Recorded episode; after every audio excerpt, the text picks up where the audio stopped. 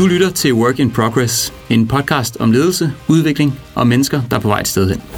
Mit navn er Morten Melby. Og jeg hedder Danny Lillekrans, og i dag har vi besøg af Flemming Christensen, som er ekspert i Enneagrammet.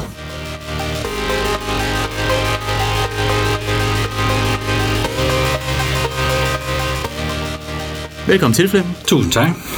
Vi har inviteret dig indenfor, fordi vi i dag gerne vil tale om nysgerrighed. Og grunden til, at vi synes, at det kunne være interessant at tale med netop dig, er, fordi du er direktør og stifter af virksomheden Think About It, hvor du har arbejdet med ledertræning, teamudvikling og holder foredrag med afsæt i netop enagrammet. Og det har du gjort i hvor lang tid? Øh, jeg har været selvstændig i 32 år, og har på en eller anden måde beskæftiget mig med det her felt i ja, hele min voksne karriere. Så man må sige, øh, efterhånden så kender du din branche og har set den fra forskellige vinkler. Det må sige. Udover det, så er du forfatter til 14 bøger. Og nu, når du har så øh, bredt et fundament i din branche, hvad beskæftiger du dig så mest med for tiden? Ja, lige nu er jeg ved at redesigne det mere traditionelle, klassiske grundkursus i enagrammet. Vi har tidligere, synes jeg, haft alt for meget fokus på at finde sin type. Og når man så ligesom har fundet sin type, så var man tilfreds, og så røg man ligesom på plateau med sit lederskab eller med sit personlige udvikling. Og jeg tænker, hvorfor ikke tage det til det næste niveau? Hvorfor ikke øh, være lidt ligeglad med typen og gå lidt mere op i nysgerrighed og selvindsigt og interesse for, kan vide, hvordan man påvirker sine omgivelser, kan vide, hvordan man bygger tillid, kan vide, om man er på vej det rette sted hen i sit liv. Spændende, og det er helt sikkert, du nævnte i hvert fald et par hovedpunkter, vi helt sikkert vil komme ind på senere i dag. Hvad er en sjov ting, som lytterne ikke lige umiddelbart kan få at vide om dig ved at søge rundt på internettet? Øhm, jeg er ekstrem i alt, hvad jeg gør. Så hvis jeg starter den her tanke op med, at vi skal have øh, et nyt kursus øh, på banen, så tænker jeg, at vi laver der et kursus med 500 deltagere. Det skal være stort. Det er bare ekstremt. Det behøver ikke at være stort. Øh, det kunne også være, vi, øh, vi revolutionerer verden, og så kan man øh, løse det her på en halv time, men det kan man jo nok ikke. Øh. Men, men det der med det ekstreme, jeg har lavet en læringsportal, og så tænkte jeg, vi skal da bare have 10.000 mennesker ind på læringsportalen. Så det, der egentlig sådan er sket nu, i stedet for 500 gæster, så sidder der 250 øh, på kursus, og i stedet for 10.000 gæster, så sidder der 7.000 på portalen. Så den, det, er, det skal bare være, det skal være vildt, eller det skal være uhemmet, eller det skal være bizart eller mærkeligt, eller vi, der er sådan nogle, øh, jeg spiller skak en gang om ugen med min gode ven Lennart, og han siger altid, Flemming, du har lært mig det der med, aldrig give op. det der med kæmp, øh, gør det ekstremt, gør det vildt, gør det anderledes, never quit. Øh, og det har jeg vundet en del. Han er jo tusind gange bedre end, end jeg, men jeg har vundet nogle, nogle gode kampe i livet og på skakbrættet ved, at, ved at lige lave den sådan ekstremt eller vildt eller lidt anderledes. Så det tror jeg ikke, øh, jo, mine gode kolleger kender det, men, øh, og min kæreste kender det, og min søn kender det, men, men ellers tror jeg ikke, folk ved, at jeg er sådan er ekstrem. Nej. Også fordi det er så modsat din, øh, din, din øh, tilstedeværelse, som er rolig og nærværende. Okay, det er godt. Ja, så det er interessant at få det perspektiv også på det. Jeg ved, at Google arbejder med nogle af de samme øh, metodikker, siger jeg nu, og laver gåseøjne herinde i studiet, øh, hvor de skyder efter månen, kalder de det, med deres projekter. Og så har de måske også en accept af, at det lander måske ikke lige på månen, ja. men det når i hvert fald højt op. Ja. Øh, og samme måde bruger jeg i min målsætning. Og det kan være lidt sjovt, når man har samarbejde med andre folk, om de kan lide at sætte et realistisk mål og blive positivt overrasket, ja. eller om man har det fint med at sætte et ekstremt ja. mål, og så nå et sted ja. øh, midt imellem. Og der sker altid noget interessant. Øhm, jeg har lige budt ind på at skulle tale på en Enneagram-konference i Argentina. Mm. Og jeg er blevet optaget, så nu skal jeg til Argentina i to timer for, for at holde det her øh, foredrag. Uh, og det er jo sådan lidt ekstremt, men så tænker jeg, at jeg lærer der sådan lidt spansk inden jeg skal derned, og øh, kan vide, om der ikke er nogen spændende mennesker, man kan connecte med. Øh, og så møder jeg en her i weekenden, som bor dernede, som, som hvis nok er, er sådan lidt well off, ikke? fordi han vil hente mig i sin helikopter og flyve mig ud på sin farm, og så kalder han nogle folk sammen, og så laver vi et lille kursus. Øh, og det der spansk, det havde han nogen, man kunne lave på Skype og sådan nogle ting og sager. Så lige pludselig sker der en hel masse, fordi jeg fik den vilde idé. Argentina, der skal det delt ud med høre om den danske udgave af enagrammet. Så de der lidt, lidt vilde ting, som altid fører et eller andet fabelagtigt med sig. Det er interessant. Sig ja til de øh, vilde og underlige tilbud ja. en gang imellem, ja. og opleve, at det udvikler sig. Og sætte sig selv i spil Ja. til vildt og underligt. Ikke? Jeg leger med, med tre ting, sådan i, også i mit ledertræning og teamtræning. Det er, at vi skal have et perspektiv med vores ting. Der skal være en retning. Hvis vi ikke har nogen retning eller perspektiv, så bliver det meningsløst. Hvis der ikke er perspektiv eller retning med jeres podcast, så bliver det meningsløst. Det andet ben, det hedder gode relationer. Hvis der ikke er en god relation i det her lokale lige nu, hvis der ikke er en god relation øh, øh, mellem, mellem jer to, så bliver det også meningsløst. Så, så gider man jo ikke. Og det sidste ben, det er, bidrager vi med noget? Gør vi en forskel? Altså, har det værdi for nogen at sidde og lytte til, til sådan tre, der har lukket sig inde i et forholdsvis varmt øh, studie? Ja, det er et godt spørgsmål. Og hver gang jeg tænker ekstremt, så kommer der perspektiv, gode relationer, og der er nogen, der har noget ud af det. Så på en eller anden måde vil den der ekstreme tankegang faktisk føre noget mening med sig. Fordi jeg tror, at de tre ben er forudsætningen for mening i det, vi render rundt og laver. Det var en interessant øh, altså test, egen test til sig selv og sine øh, initiativer. Det kan jeg godt lide med sådan nogle øh, kriterier, der er til at tage at føle på. Ja. Så kan man jo som lytter låne dem, hvis man synes, de er fornuftige. Grunden til, at vi gerne vil tale om det her med nysgerrighed og tolerance i dag, det er, fordi vi for et par episoder siden havde Anne inde i studiet, som er fremtidsforsker, og hun øh, nævnte i relation til fremtidens arbejdsmarked, at vi kommer til at arbejde i nogle øh, mindre, kortere øh, varighed øh, i vores samarbejder, og mere høj intensiv. Og det vil kræve en stor del af tolerance af os mennesker i teamsene, for at vi kunne få et effektivt samarbejde op at køre inden for en rimelig tid. Så derfor vil vi i dag gerne undersøge, hvad er det med nysgerrighed? Hvordan kan man træne nysgerrighed? Oplever du, Flem, at man kan træne nysgerrighed? Klart. Klart. Og hvis vi ligesom først sætter øh, lidt perspektiv på, og lidt retning øh, øh, på det, Lad os gøre det. Øh, hvis en patient oplever en læge, overlæge eller sygeplejerske, øh, som ikke er nysgerrig eller ikke relaterer, vil vedkommende bruge tre gange så lang tid på at blive rask Ja. og belaste sundhedsvæsenet helt enormt, fordi jeg kommer hjem og er usikker og ringer ind hele tiden og tjekker op, og hvad nu, og hvor jeg er henne, og jeg har ikke fået nok information og sådan nogle ting. Altså, så hvis, hvis vi i sundhedsvæsenet var mere nysgerrige eller interesserede, ville folk blive hurtigere rask, og vi skulle ikke bruge så mange penge på service. Børn, hvis vi ikke er nysgerrige på dem, hvis vi ikke lytter til dem og er der for dem, så flader deres indlæringskurve ud. Så deres læring stopper, hvis vi ikke er interesseret eller nysgerrige øh, på dem. 50% af dem, der siger deres job op, nævner, at det, at jeg ikke bliver set og hørt og mødt af min chef, det er årsagen til, at jeg ikke gider være der. Så der er altså forholdsvis gode penge i på arbejdspladsen at have nogle chefer, der på en eller anden måde er nysgerrige øh, på sig selv. Der kan vi jo starte, men også på deres medarbejdere. Og i parforholdet, øh, på et eller andet tidspunkt, så flader nysgerrigheden ud, og så tænker man, jeg ved godt, hvad du vil sige, jeg ved godt, hvad du tænker, og du står faktisk og spærrer lidt fra fjerneren, fordi jeg er i gang med en fodboldkamp. Ikke? Så, så det der med at, at, at miste nysgerrigheden i parforholdet og i vores relationer, har også kæmpe omkostninger. Så der er stor værdi, der er mega værdi. Og ikke bare fordi, at øh, frekvensen på arbejdspladsen i Teams og øh, skal vi sige, diversiteten i, hvem vi nu skal øh, arbejde med, stiger, men på samfundsplan er der enormt meget brug for nysgerrighed. Og det, det egentlig øh, øh handler om, Øh, øh, jeg kom til, vi, vi stod lige og snakkede, øh, inden, inden vi gik i studiet, sådan om, hvordan, hvordan hulen, hvad er det nu, man træner det her. Og jeg har set sådan en, en vittighedstegning med øh, øh, to mødre på en bænk, og øh, den ene mor øh, sidder og læser bog, og øh, sønnen sidder og læser bog.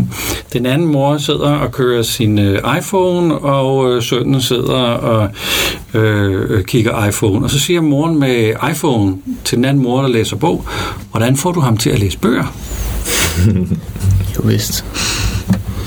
Så man kan sige, der er masser af det, vi kan gøre, når vi har magt. Og det har vi jo som forældre så kan vi jo opføre os. Vi kan jo prøve at træne noget nysgerrighed som forældre, og så vil det smitte af på vores børn. Lederen i Teams kunne også starte med at træne noget nysgerrighed, og så vil det smitte af ude i organisationen. Så for mig er der noget med, hvis du tænker, at du har en magtrolle, så er det dig, der har ansvaret for at træne nysgerrigheden. Om det er teamet, om det er chefen, organisationen, bestyrelsen, eller hvor vi er hen, eller det er hjemmet, eller sundhedsvæsenet, eller vores skolelærer. Øh, det der med at tvinge ungerne til at være nysgerrige i skolen, prøv selv. Mm. Jeg starter selv. Gå forrest. Ja, lige præcis.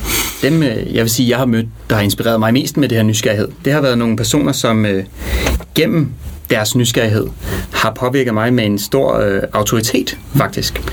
Og har nedbrudt for mig også øh, med baggrund i flyvevåbnet og steder, hvor autoritet det sådan er lidt rammesat. Hvad autoritet vil sige? Der er måske sådan en gammel opfattelse af, at autoritet er noget med at stille sig op på en kasse og vise en retning og pege meget bestemt og tale i et fast toneleje. Men jeg oplever altså de her personer, der stiller nysgerrige spørgsmål, oprigtige spørgsmål, og formår at øh, skabe en retning altså med de her spørgsmål. Altså i langt kraftigere grad end ham, der står på ølkassen. Præcis. Øhm, så, så det var egentlig en af de ting, jeg også godt kunne tænke mig lidt at få nedbrudt i dag, det her med, ja. kan man godt være spørgende, undersøgende, nysgerrig, og samtidig udvise autoritet? Okay. Mm. okay. Og hvis jeg lige må køre den over øh, på, på et andet element også. Endelig. Hvis vi skal være nysgerrige, så hører det sammen med en finurlig ting. Og den finurlige ting, det er, at vi kunne godt tænke os at være sammen med interessante mennesker. Det kunne vi alle sammen godt tænke os. De færreste mennesker er bare ikke interessante at være sammen med, fordi de ikke interesserer sig for noget. Så ledere, der interesserer sig for noget, der ligger ud over forretning, om det er fluefiskeri eller tennis eller hvad ved jeg, og kan lave paralleller til det univers, bliver lige pludselig interessant at være sammen med, som gør, at noget nysgerrighed vækker i andre. Fordi vedkommende var nysgerrig over for fluefiskeri. Så for mig starter det rigtig, rigtig ofte med, at kan vide, hvad du er nysgerrig på, kan vide, hvad du er interesseret i. Så hvis du ikke er interesseret i noget, øh, så er det sådan lidt svært at, øh, at, at vække noget nysgerrighed i andre det er tungt at drive en samtale. Jeg kan huske, at en af mine venner på et tidspunkt sad til et middagsselskab, apropos det her med, om ja. personer er interessante, ja. og han har siddet uh, tilfældigt placeret ved siden af en uh, ældre herre på en stol, og først uh, klokken halv to om natten finder han ud af, at den her herre, han har siddet ved siden af hele aften, har en dybt interessant historie. Øh, set det meste af verden og opnået en masse ting, som han selv drømte om. Han fandt lige pludselig et stort forbillede ved siden af sig, øh, og var drønked af, at der var gået 7-8 timer af det her middagsselskab, ja. hvor han ikke havde fået åbnet op for det her, fordi, kunne han se i sin efterreflektion, ikke havde spurgt ja. om noget som helst, ja. eller vist nogen som helst nysgerrig ja. adfærd. Mm. Og det, det var da en god lektie til ham, ja. tænker jeg. Ja. Ja. Og så er, der, så er der to sider af nysgerrigheden. Den ene, det er nysgerrighed på mig selv, Mm. Og man kan sige, hvis jeg ikke kan være nysgerrig på mig selv, så kan jeg ikke være nysgerrig på jer to. Jeg bliver, jeg bliver nødt til at have en, øh, et mindset eller en lyst til at undre mig over, hvordan jeg opfører mig, hvorfor tænker jeg, som jeg gør, hvorfor siger jeg de ting, hvordan kunne det lige være, at jeg har lyst til at sige ja til at sidde og, og lave det her interview. Hvad, hvad handler det om? Den der, den der undren, den starter her. Og det der, meget det jeg træner, det er den der undren over, hey, hvor skal du hen? Er du sammen med dem, du er sammen med, er den rigtige grund? altså relationerne ben 2. Og hvad er det for en forskel, du tænker, at fordi du er dig, at du så gør på kloden? Hvis vi starter med den refleksion, og øh, bliver trænet lidt i det, jamen så begynder vi også at kunne kigge ud og være nysgerrige på andre, for så kunne vi begynde at stille andre det spørgsmål. Mm. Men det er jo noget surt at have sådan en rigtig super interviewer, der stiller os alle mulige fede spørgsmål, og når vi så spørger tilbage, jo, så er der bare blank skærm, man tænker, vedkommende har faktisk aldrig tænkt over spørgsmålene selv. Det var ikke og så det. stopper nysgerrigheden. Ikke? Nej, det er ikke for mig, det, det er så for andre. Ikke? Altså, Det er professionel nysgerrighed. Det er også... piv irriterende, det er jo ikke rigtig nysgerrighed. Nej, fordi der er nemlig også et, et, et element af autenticitet Ja. i de her ting. Ja. Altså det kan jeg tydeligt mærke nogle gange, så øh, der er ikke noget værre end at få for eksempel en, øh, for mig en telefonsælger i røret, som har et manus Ja. af en række meget nysgerrige Ja. spørgsmål, som han skal stille mig ja. i en bestemt rækkefølge, inden jeg når at trække vejret. Er. Men er der ikke noget med sådan, uh, make it, eller fake it until you make it, hvis man synes, det er svært, så simpelthen begynder at være nysgerrig på sig selv. Jo. Selvom man ikke synes, at det er spændende, Jo. så sæt sig ned og sige, nu bliver jeg nødt til at svare på et af de her spørgsmål. Hvad, hvorfor gør jeg det, jeg gør? Øhm, ja, og, og man, kunne, man behøver ikke hvorforet, fordi hvorforet har sådan en, en, en finurlig ting, fordi den forsøger at finde en årsag. Ja. Og, og nogle gange kan man jo bare stille spørgsmålet, hvor er jeg på vej hen? Mm. Ikke hvorfor, bare hvor. Ja. Så hvor er, hvor er det nu, at øh, de beslutninger, jeg har truffet den her uge, fører mig hen?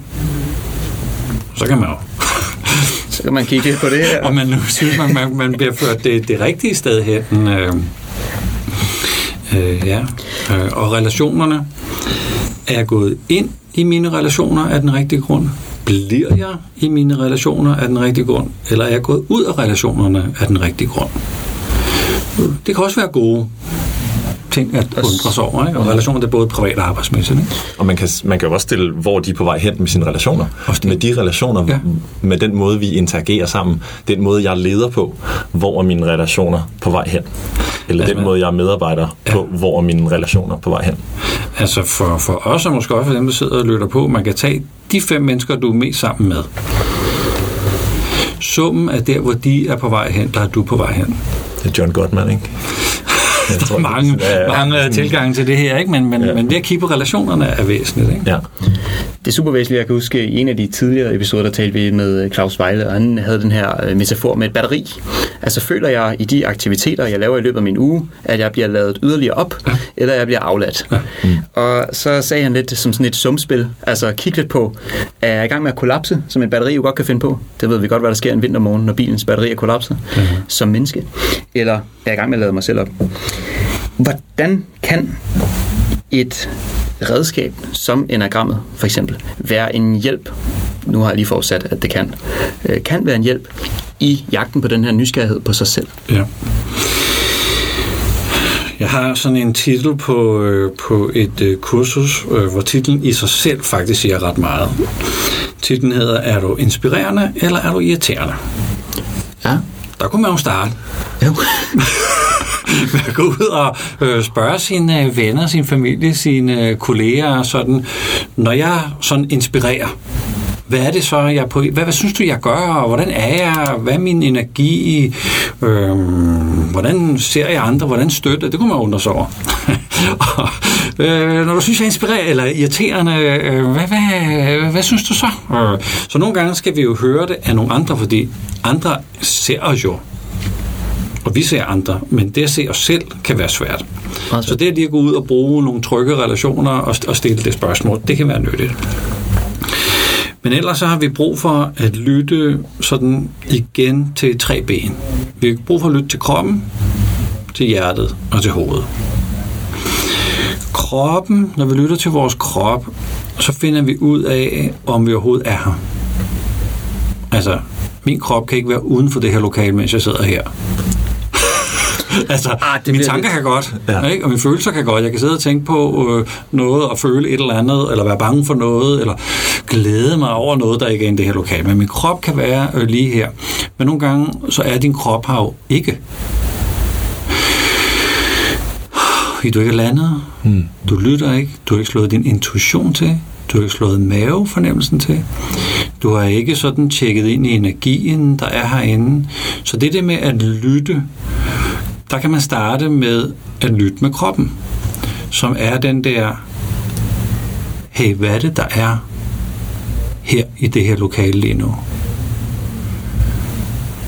Jeg tror, der er...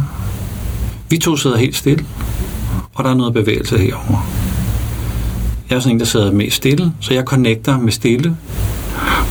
Og okay, så der sker faktisk rigtig, rigtig, rigtig meget, hvis bare vi kunne træne os i at lytte til energi og stemninger og øh, temperamenter og virkelig få landet jeg er zen-buddhist, så det der med at øh, få, få landet med sin vejrtrækning øh, øh, helt i, i, i kroppen, øh, det er jo noget, vi træner.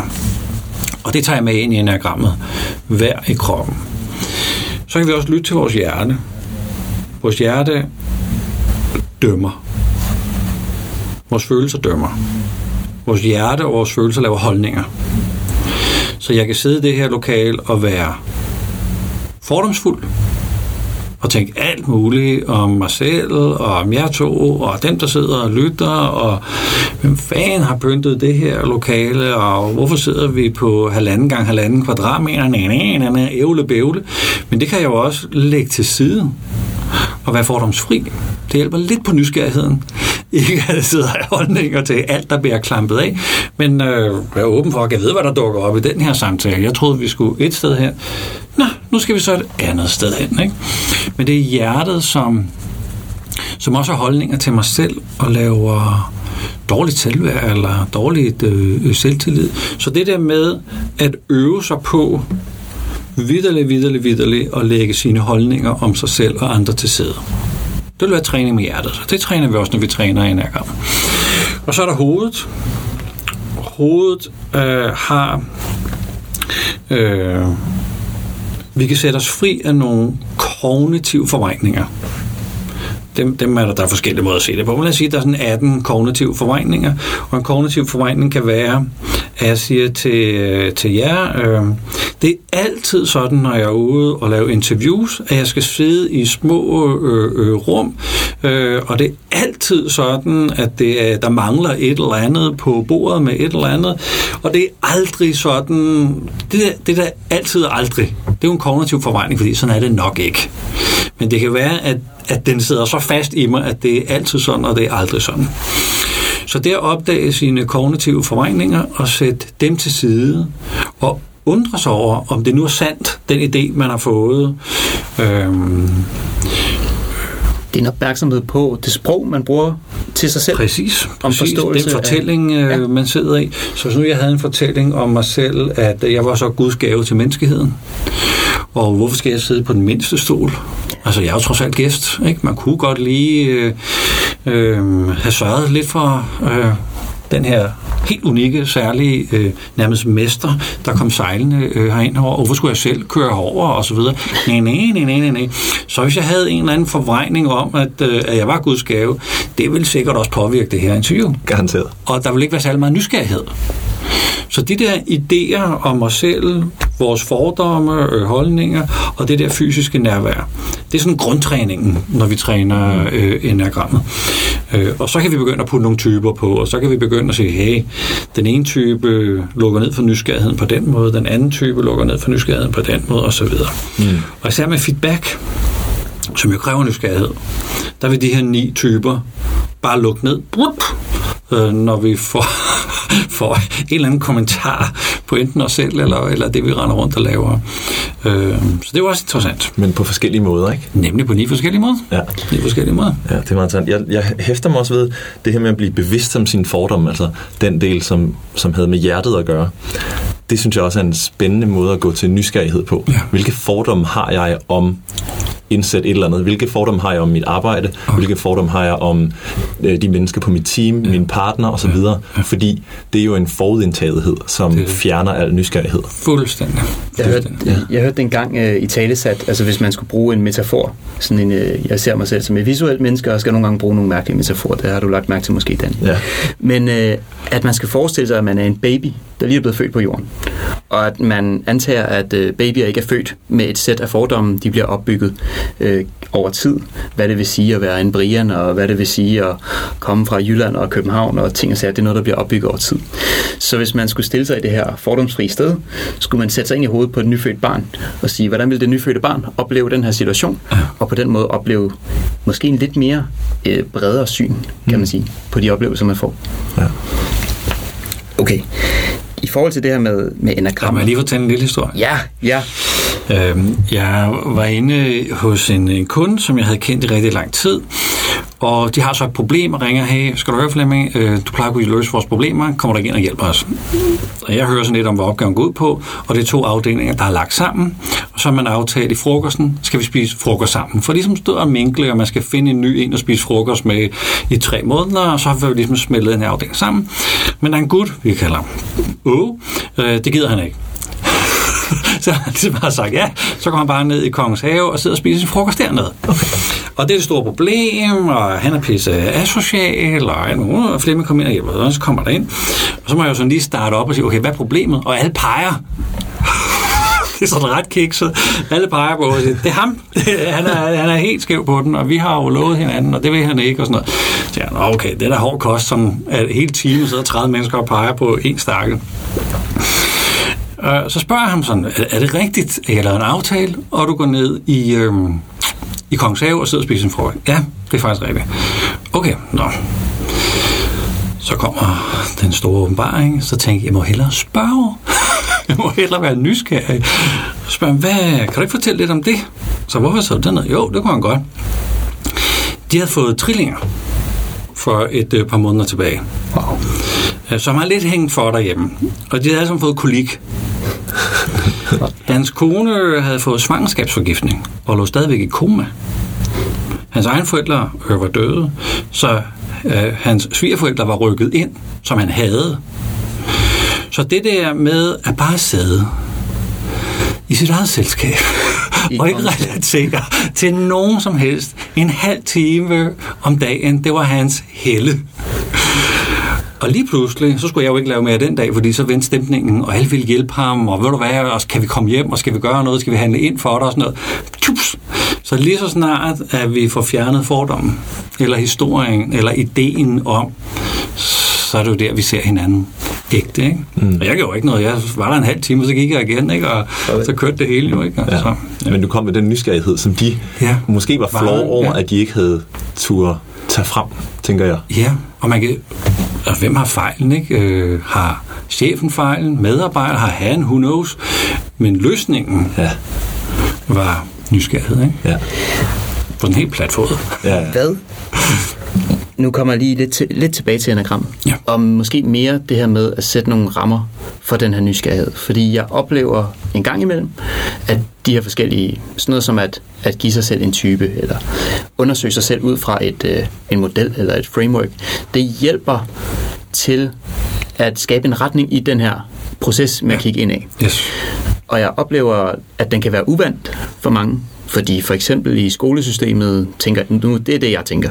I skolesystemet har vi ikke, vi har lært noget om biologi og geografi og matematik på nogle bestemte måder. Vi har ikke lært at kigge ind af på nogle bestemte måder. yes. Så det kan være sådan en meget abstrakt proces. Hvad tænker I, når jeg siger det? Hvis om noget. Jeg synes, det som enagrammet, det, det slog mig lige, da du sagde det, det som enagrammet gør for mig, jeg har taget en test et par gange, og for mig er det et værktøj til at kigge indad. Og hver gang har jeg fået noget nyt ud af det, fordi jeg har glemt, hvordan det gik sidst, så derfor er jeg ikke forudindtaget, for jeg har glemt, hvad det var, jeg ellers ville have tænkt. At nu var det jo det her, jeg skulle svare for at få den her type, eller hvad jeg nu kunne finde på. Øh, men det har været et værktøj til at kigge indad. Og, og så har jeg fået sådan, jeg, som regel har jeg fået én ting med, fordi der, der er så mange forskellige perspektiver i det, så har jeg bare fået et lille øh, nyt perspektiv med på, at Nå, det er derfor, jeg reagerer sådan her, eller det er derfor, jeg arbejder godt sammen med den her type menneske, eller noget af den stil. Hvor andre øh, af de her frameworks, som du taler om, for eksempel øh, DISC eller nogle øh, simplere hvor der kun er fire typer eller sådan noget. Det bruger jeg i højere grad som et værktøj til at forstå andre mennesker i øjeblikket, hvor enagrammet er for komplekst øh, til, at jeg kan sige, uh, hvis du er en 4 nu, så er det fordi, du vil være unik, og så må jeg, det er slet ikke muligt for mig. Så enagrammet for mig er meget sådan et, et selvindsigtsværktøj. Øh, ja, som, som er så omfattende, at jeg kun kan tage en lille ting med hver gang. Og det sætter måske også hovedet på sømmet for. Jeg undrede mig over, Flemming, du har øh, været på en 3, 4, 5, 6, 7, 18, 19, 20, 25, 26 kurser i Enneagrammet, og jeg skulle til at spørge dig i starten, hvordan kan det være, at man bliver ved med at være nysgerrig på at, at tage på så mange kurser, eller få så mange perspektiver på det værktøj? Og måske svarede jeg selv lidt på det her, at selvom det er det samme, så kommer man frem til noget nyt hver gang, og få et lag dybere. Ja. Jamen, jeg har taget grundkurset hos Enneagram-instituttet otte gange. Okay. Og øh, første gang, så var det sådan ret rent, at jeg inhalerede og det, jeg nu kunne der. Men jeg blev jo klogere undervejs. Øh, min lærer blev også klogere. Så jeg fik noget nyt med hver evig eneste gang, som ikke så meget handlede om typen, men handlede om min relation til typen. Mm. Altså min relation til omsorg. Min relation til at være ekstrem. Min relation til magt. Min relation til det at gøre en forskel. Så, så, så de der værdier, som var styrende, som er styrende for mig i livet, der fik jeg en dybere forståelse for, hvad er det, der styrer mig. Og så får jeg mine tre ben på plads igen. Ikke? Så får jeg en god retning, jeg får de der gode relationer, og jeg går på opdagelse i, hey, gør jeg overhovedet forskel ved at rende rundt her og trække vejret? Mm. Hvis vi skulle øh, til at samle lidt sammen, og jeg tænker, at det er muligt, at der sidder en leder og lytter til den her episode på et tidspunkt. Mm. Og jeg har måske som den her leder siddet og lyttet nysgerrigt med, og tænker, at jeg vil gøre en indsats med mit lokale team. Jeg har 8, 10, 20 mennesker, som jeg er ansvarlig for, og vil gerne arbejde med den her nysgerrighed. Hvad vil dit råd så være til mig, Flemming? For det første skal lederen blive interessant ved at interessere sig for noget. Så det er bare at gå ud i verden og gå på opdagelse i, hvad kunne du eventuelt falde over, som øh, kunne fange din interesse. Så kunne man i teamet begynde at interessere sig for mm, værdier. Værdier er super essentielt for alle mennesker, og dermed også øh, for, for, for et, et kollektiv af et team. Og undre sig over at være nysgerrig på, hvad betyder mm, kvalitet for dig? Hvad betyder kvalitet for dig? Så går man teamet rundt og siger, hvad, hvad er kvalitet for noget? Og så vil der komme, hvis der er 20 mennesker i teamet, vil der komme 20 forskellige svar på det. Men så er vi jo i gang med at undre os så er vi i gang med at være nødt til kvalitet, er det, er det sådan for dig, at øh, man skal øh, dobbelt øh, tjekke, og andre skal kigge på det, før man sender noget afsted? Nej, det er delen du ikke kvalitet. Det, det er tåbelig kvalitet, for så kommer vi aldrig til at lave noget. Nej, kvalitet, det er, hvis jeg har mavefornemmelse, og jeg kan mærke, at det er i orden, då, så er det kvalitet. Nå, virkelig. Så det der med at undre sig over nogle værdier, det kan være kvalitet, det kan være øh, omsorg, det kan være værdiskabelse, altså hvad betyder, hvad betyder det at være kompetent? Eller kyndig, eller hvad det nu er. Så det her med at, at undre sig over værdier, det er et super powerful sted at starte. Mm. Det er nemlig meget godt nogle gange at have den her faste, altså hvor skal jeg lige tage fat i ja. første omgang. Ja. Mm. Så, så det håber jeg, vi kan bruge. Mm. Danny, hvad øh, har du lagt mærke til i dag som dine takeaways? Jamen, jeg, jeg synes, det har været en rigtig spændende episode, og jeg kunne forestille mig, at det er en episode, man kan lytte til flere gange, og så få noget nyt med, fordi der var så mange forskellige punkter, man kunne starte ved. Det synes jeg har været rigtig fedt. Jeg hæftede mig især ved øh, på et tidspunkt, hvor Flemming siger, hvis du har magt, så har du ansvar. Og det synes jeg er interessant i forhold til, hvem er det, der skal tage teten? Og så kan man ikke spørge, hvem er leder her, men hvem har magt? Fordi det er ikke altid lederen, eller det... Hvis du har magt, så har du ansvar. Det synes jeg var rigtig interessant. Øhm, og så kan jeg også godt lide de generelle spørgsmål, vi har snakket om. Hvor er jeg på vej hen? Altså nogle af de her spørgsmål, der starter min egen interesse. Hvilke fordomme har jeg lige nu? Jeg synes, det har været et, et afsnit, der er meget drevet af spørgsmål, hvilket er, øh, hænger rigtig godt sammen med nysgerrighed. Ja, det passer også øh, for mig godt, at vi er ramt deromkring. Det, jeg hæfter mig mest ved, det var den her inspirerende eller irriterende. Det synes jeg simpelthen er et meget interessant spørgsmål, og jeg kan godt se, hvorfor der måske kan være en hårfin balance, og hvorfor det måske kan være svært at ramme altid i den ene eller den anden. Øh, så derfor synes jeg, det er da ekstremt øh, god idé at gå ud og spørge mennesker omkring en, der lægger mærke til, som ser mig. Er jeg hovedsageligt inspirerende eller irriterende? Ja. Hvornår er jeg henholdsvis? Ja. Så øhm, Jeg har faktisk sat streg under det, fordi jeg tror, det, det bliver episodens øh, titel. Inspirerende eller irriterende? Ja. ja. Hvad siger du til det, Flemming? Meget fint, og Ja. så synes jeg også, at med det er der jo også nogle gange, skal man jo være lidt irriterende. Så man kan jo også gøre det lidt bevidst og lige skubbe, så vi kommer tilbage til noget ekstremt, ikke? Vi skal forstyrre lidt. Vi skal Ikke bare- forstyrre lidt. Mange tak, fordi du ville komme ind og besøge os i dag.